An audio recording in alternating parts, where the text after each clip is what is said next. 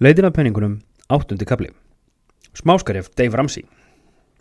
Dave Ramsey er bandaríkjamaður sem undanfarin ár hefur ráðlagt einstaklingum um fjármál og fjallaðum leiðir til að bæta stöðu sína á mannamáli í eigin útvarstáttum. Hann er í dag einn þekktasti ráðgjafi þegar kemur að fjármálum einstaklinga. Hann hefur auk þess vakið aðtekli fyrir leiðbeiningar sem hann kallar Seven Baby Steps eða sjö smáskref sem hann segir að fólk þurfið að taka á leiðsinni til fjárhagslegs sjálfstæðis. Skrefin sjö eru í raun ráðleggingar um litlar en áhrifaríkar leiðir sem fólk getur notað til að ná stjórn á sínum fjármálum. Það er byrjað smátt í skrefi 1 en síðan verða skrefin stærri eftir því sem styrkur og sjálfströst vaksa. Það er fullt telefni til að fara yfir þessi sjö skref hérna en við aðlögum þau aðeins að íslenskum veruleika. Hugsunin og nálgunin er hins vegar svo sama. Fyrsta skref sparaðu 100.000 krónur. Ef þú átti ekki 100.000 kall nú þegar til að grýpa í, þá er í fyrsta skrefinu markmiðið að spara 100.000 krónur eins hratt og þú mögulega getur. Þetta á að vera neyðarsjóður sem að á engöngu að grýpa í fyrir óvænt og smá útgjöld sem þú getur ekki séð fyrir. Hér tökum við meðvitaða ákvörðun um að eiga þessa upphæð til vara og þurfa ekki að taka dýr neyslulán ef eitthvað bjátar á. Engum áli skiptir hverja skuldinnaðinnar eru. Byrjaðu á þessu skrefi til að tryggja öll hinn skrefin. Annað skref. Borgaðu upp allar skuldir nema húsnæðislánið og kannski námslánið. Búðu til fjárhagsáallun fyrir heimilið og borgaðu því næst niður allar skuldir nema húsnæðislánið með snjóboltaðferðinni sem fari verður í hér á eftir. Það eru skuldir eins og bílalán, námslán, kreditkortalán, láni frá ömmu, yfirdráttur, raðgreðslur og svo framvegis og svo framvegis. Snjóboltaðferðin til að greiða niður skuldir. Hérna byrjum við og skráum niður allar skuldir okkar í skjál og röðum þeim upp frá lægstu skuldinni til þeirra hæstu. Þetta er upphafið að þinni svo kalluðu snjóbolta aðferð. Þarna er mikilvægt að sjá fyrsta lánið greitt upp til að við sjáum árangur fljótt. Þess vegna skulum við byrja á að borga niður lægsta lánið, það er að segja lánið sem er upp á færstar krónur.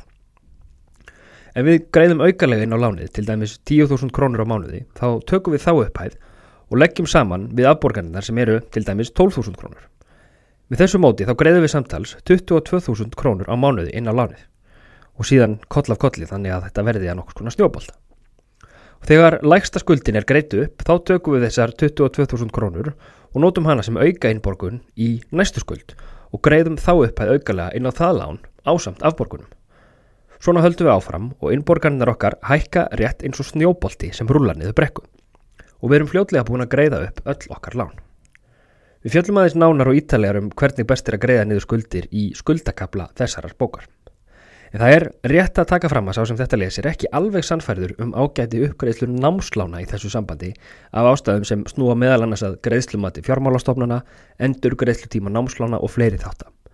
Kynntu þér allavega vel hvort það sé rétt fyrir þig í þinni stöðu að greiða inn á eða greiða niður námslánið þitt frekar en að leggja til dæmis fyrir til að stækka við húsnæði á einhverjum tímapunkti.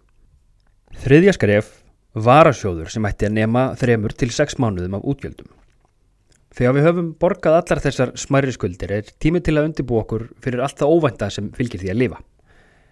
Þessi sjóður, varasjóðurinn okkar, ætti að döga okkur til að lifa í þrjá til sex mánuði eins og hefur verið komið inn á í fyrir köplum. Þrýr mánuður ættu að næja fyrir þau sem eru í stöðugri og örugri vinnu sem er kannski först staða í góðu og tröstu fyrirtæki eða staða í ríkistofnun eða eitthvað svoleiðis. En sex mánuðir eru svona ágættis viðmið fyrir fólk sem er með sveif, sveiflukendar tekjur eins og til dæmis verktakar eða sjálfstæðir atvinnureikendur og með svona varasjóði þá komum við í veg fyrir skuldasöfnun ef óvænt áföll dinja á.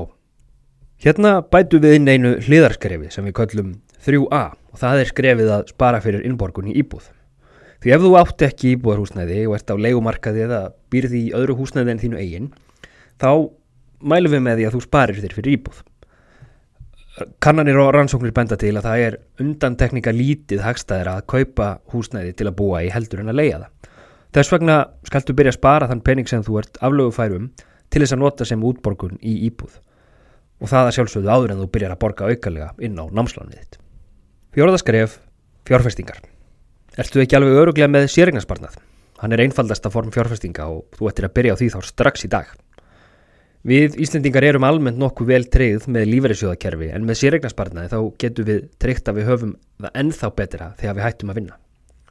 Aðra fjárfestingar geta svo fyllt í kjölfarið eftir því sem að þekking okkar og vittneskja og færni um fjárfestingar ekst. En aðalatrið er að leggja fyrir peninga í hverju mánuði í sparnað eða fjárfestingar. Fymta skref, sparaði fyrir framtíð barnanaðina. Dave Ramsey leggur áherslu að fólk spari fyrir háskólanámi barnana sína. En hann er líka bandaríkjamaður þar sem að skólagjöld eru svo svimandi há að okkur skandinöfum blöskrar. Hér á landi þarf fólk sem betur fyrir ekki að spara sérstaklega fyrir verulega háum skólagjöldum. Þess vegna skulum við aðlaga þetta skrefað íslenskum veruleika. Það getur við til dæmis gert með því að opna, opna söpnunareikning fyrir börnin okkar og ræða við þau um fjárhagslega markmið þeirra með spartnaðinu þeirra. Er þetta kannski hugsað til að kaupa íbúð fyrir eða er þetta hugsað til að lifa af á námsárum? Þannig má gera samning við börnin um að foreldrar borgin á reikning og hvetji þau til að gera slíkt sama. Til dæmis við helminga allar að tekna sem þau vinna sér inn eða fá að gjöf. Og með þessu móti þá gerir börnin ykkar meðvituð um góða meðferð peninga sem að nýtist þeim út æfina. Sjötta skref, borgað upp húsnæðislánið þitt eins rættuð og getur. Ímyndaðu þeir líf án skulda og hvernig þú gætir nýtt teikjuna þínar í að fjárfesta, ferðast og sinna áhuga málunum þínum. Aðtugað líka, þegar þú ætlar að borga upp húsnæðislánið þitt, að það er í mörgum tilvikum hægt að nýta sérregnarspartnað til að greiða niður húsnæðislán. Þetta á fyrst og fremst við um fyrstu kaupendur sem hafa keift fastegn eftir ákveðin tímamark eða fólk sem skuldaði á tímabilinu þegar leiðréttingin svokallaða var innlitt. Þetta er eitthvað sem maður getur notað til að draga verulega úr skuldsetningu senni. Og þetta þrepp tökum við þegar við höfum stigið hinn skrefin 5 og stefnum að algjöru skuldleysi. Sjöndarskrefið og lokaskrefið, það er að sapna auðæfum en ekki síður að gefa peningarna sína. Fjárhaldslegt sjálfstæði felur umlega í sér frelsi og það opnar mörg tækifæri. Fjárhaldslega sjálfstætt fólk getur þess vegna gert margt sem aðrir geta aðeins látið sér dreyma um Lokaskrefið er þess vegna einfalt en þú þarfst að vera búin að taka öll hins sex skrefin til þess að komast ánga. Núna ættir að geta lifað fjárhaldlegu lífi sem að fæstir geta leift sér en ansi marga dreymurum. Og það er engin að segja að þessi skref séu auðveld ekki, þetta tekur miklu lengri tíma heldur en að hlusta á þennan bókarkabla. Heldur er þetta sjö skref sem að þú munt vilja horfa á um í einhver, einhver ár.